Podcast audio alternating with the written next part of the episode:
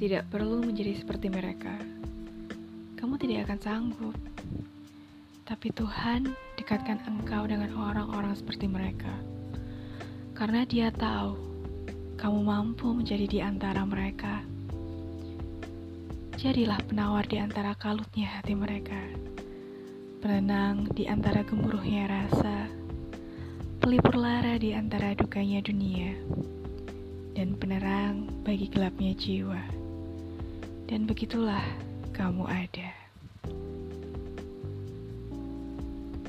Hai Sobat Inspirasi Di podcast pertama ini gue awalin dengan pengenalan ya Jujur sih, awal kali mulai podcast ini ada rasa gak pede. Karena di luar sana banyak banget kan podcast yang lebih keren.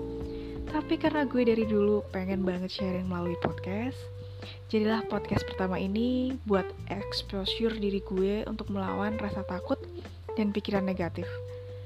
Ada yang samaan gak sih sama gue? Well, buat kalian yang dengerin suara gue hari ini dan sedang merasa galau atau takut mulai sesuatu, It's okay to give it a try. Tidak masalah seberapa buruk kamu mulainya, karena kamu bakalan belajar dari sana. Oh iya, channel podcast ini nantinya bakalan bahas tentang fenomena masyarakat dari sudut pandang psikologi.